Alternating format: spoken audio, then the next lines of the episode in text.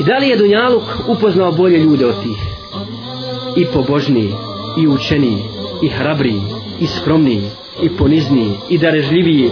Sve osobine istinskog čovjeka posjedovali su ashabi. I dosta je veličine što ih Allah spominje u Kur'anu na mnogim mjestima. Na mnogim mjestima opisuje osobina ashaba. I ti ajci se uče do sudnjega dana.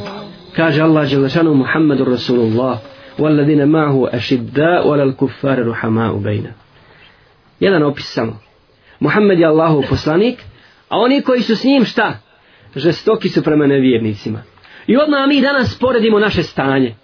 Ima li pri nama te osobine? Zašto muslimani danas stagniraju?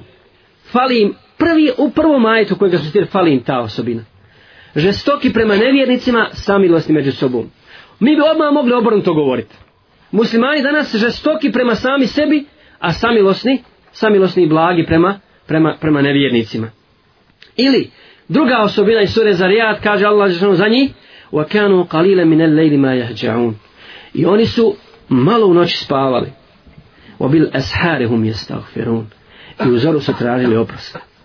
U zoru su tražili oprosta za Allaha Đelešanu. To je ono što je podiglo na visoke, na visoke stepene. Ili, kuranski ajat sura Ahzab, gdje Allah žena kaže minel mu'minine riđalun sadaku ma'ahedu ma'ahedu Allah alej minhum men kada nahbeha minhum men jentavir kaže Allah žena od mu'mina ima muškaraca ima ljudi muškaraca inače vrlo interesantna je ova tema o muškarcima inšallah nekada ćemo je održati svidjela mi se o jednom šeha jedno predavanje koje je držao so, muškarci kroz Kur'an Kako Allah žena govori o muškarcima? Allah govori od mu'mina ima muškaraca. Muškaraca koji su ispunili ono što dali, obećanje koje su dali Allahu Đalešanu. Od njih su oni, ima onih koji su poginuli, koji su žrtvovali svoj život, a ima onih koji, koji to čekaju. I ovo je dakle samo ne, jedan dio od onoga što Allah Đalešanu objavljuje o njihovim plemenitim svojstvima.